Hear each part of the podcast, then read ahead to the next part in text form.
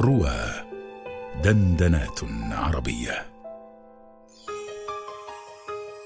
الدرر البهية في الصحة النفسية على رواه. هذا البودكاست برعاية إيوان للطب النفسي مكان تثق فيه. مدار الحضارات سلامة الإنسان الذي ينهض بها ويحافظ عليها ومدار سلامة الإنسان صحته البدنية والنفسانية. بهذا تبقى الحضارة. ولهذا حرصت كل الحضارات القديمة على العناية بهذا الأمر وبرز في كل حضارة علماء وأطباء متخصصون. في حضاراتنا العربية الإسلامية اعتنى العلماء والأطباء بكل جوانب صحة الإنسان. وأخذوا ما تركه القدماء من الحضارات البائدة ونقحوه وصححوه وطوروا عليه بل وأضافوا إليه ابحاثا جديدة لم تطرق من قبل وراكموا خبرتهم وإنتاجهم عبر تراث طويل. ومن بين أهم ما اعتنوا به في صحة الإنسان صحته النفسانية سواء في الجانب الوقائي حفظ الصحة أو في الجانب العلاجي إعادة الصحة. وتعقبوا كل ما أمكنهم اكتشافه من الآفات النفسانية فتتبعوا أعراضه وحددوا أوصافه ووضعوا برامج علاجية بالعقاقير أحيانا وبالسلوكيات المعرفية أو الجدالية أو المهارية أحيانا أخرى.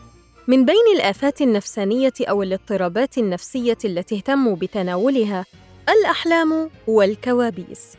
فما الذي سجله أطباء حضارتنا وعلماؤها القدامى؟ حول الأحلام من منظور نفسي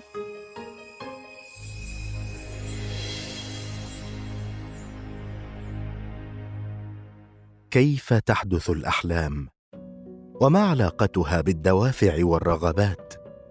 من الذين سبقوا إلى إجابة هذه الأسئلة في تراثنا العربي الشيخ الرئيس الطبيب الحاذق ابن سينا في كتابه القانون في الطب حيث ذكر أن بعض الأحلام تحدث نتيجة تأثير بعض المؤثرات الحسية التي تقع على النائم. سواء كانت هذه المؤثرات الحسية صادرة من الخارج أم من داخل البدن. قال ابن سينا ومن عرض لعضو منه ان سخن أو برد بسبب حر أو برد حكي له أن ذلك العضو منه موضوع في نار أو ماء بارد. وهذه الأسباب التي أوردها ابن سينا في حدوث الأحلام دلت البحوث التجريبية الحديثة على صحتها ووصلوا فيها إلى نتائج مهمة تؤيد ما سبق أن قال به ابن سينا من قبل وأن للمؤثرات الحسية الخارجية التي تقع على النائم تاثيرا في حدوث الأحلام. فمثلا قد يحلم النائم الذي بجانبه ضوء أنه يشاهد احتراق شيء ما.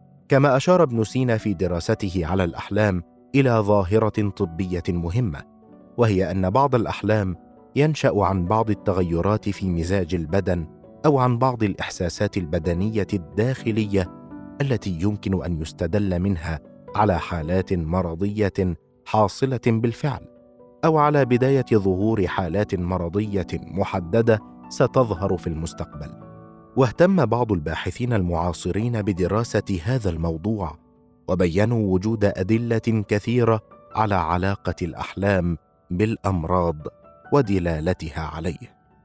أما عن علاقة الأحلام بالدوافع والرغبات فالخلاصة الأبرز عند ابن سينا أن للأحلام دورا في إشباع الدوافع والرغبات.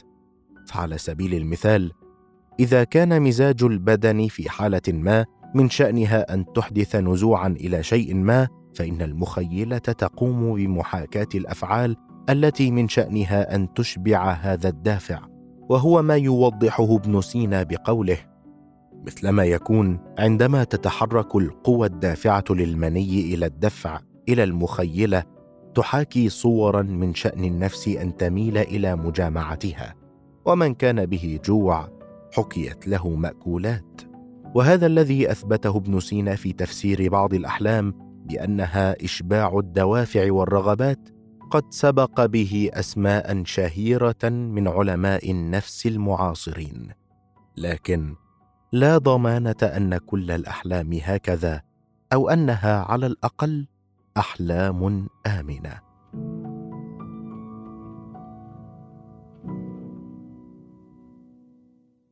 على النقيض من الأحلام التي تنبع من إشباع الرغبات هناك الأحلام المزعجة أو الكابوس الذي يتناوله الشيخ الرئيس ابن سينا في كتابه القانون في الطب بقوله الكابوس يسمى الخانق وقد يسمى بالعربية الجاثوم والنيدلان ويصفه بأنه مرض يحس فيه الإنسان عند دخوله في النوم خيالا ثقيلا يقع عليه.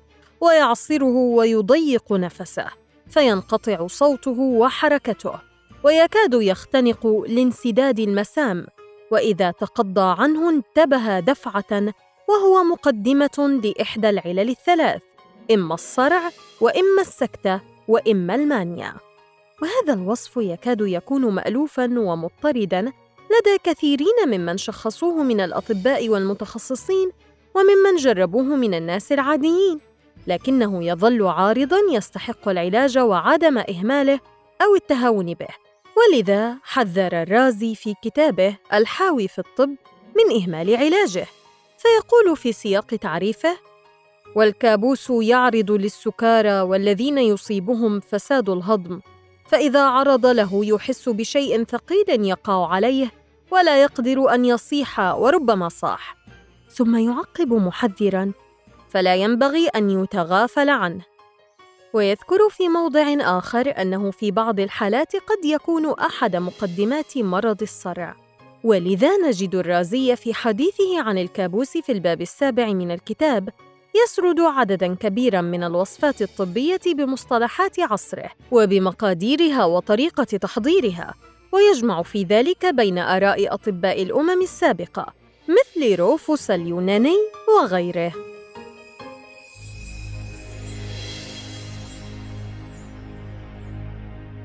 في تراث الحضارات السابقة على حضارة الإسلام ربما لا نجد احدا تعامل مع الأحلام من المنظور النفساني باستثناء الفيلسوف اليوناني أرسطو الذي عد الأحلام هي النشاط النفسي للنائم من حيث هو نائم وهي في ذلك تتبع قوانين النفس الإنسانية. ولم يغفل الأطباء والعلماء المسلمون هذا الجانب النفساني في تناول الأحلام وأكملوا من بعد أرسطو ونجحوا في تمييز هذا التناول النفساني بوضوح عن أشكال التناول الأخرى كالتناول الصوفي العرفاني. وسجلوا خلاصات دراساتهم كما رأينا في كتاب ابن سينا في القانون في الطب التي تلتها كتابات علماء آخرين من بعده مثل الفارابي والكندي وغيرهم لتصوغ جوانب علمية غير مسبوقة في هذا الجانب ظلت صامدة عبر القرون وحتى جاءت الدراسات التجريبية الحديثة لتثبت صحة ما سبقت إليه هذه الكتابات العربية الإسلامية. ولأنها وجدت لتبقى فقد برعت هذه الحضارة العربية الإسلامية في العناية بدراسة منامات الإنسان وأحلامه تماما كما برعت في دراسة وتجويد أحوال يقظته وسائر حياته.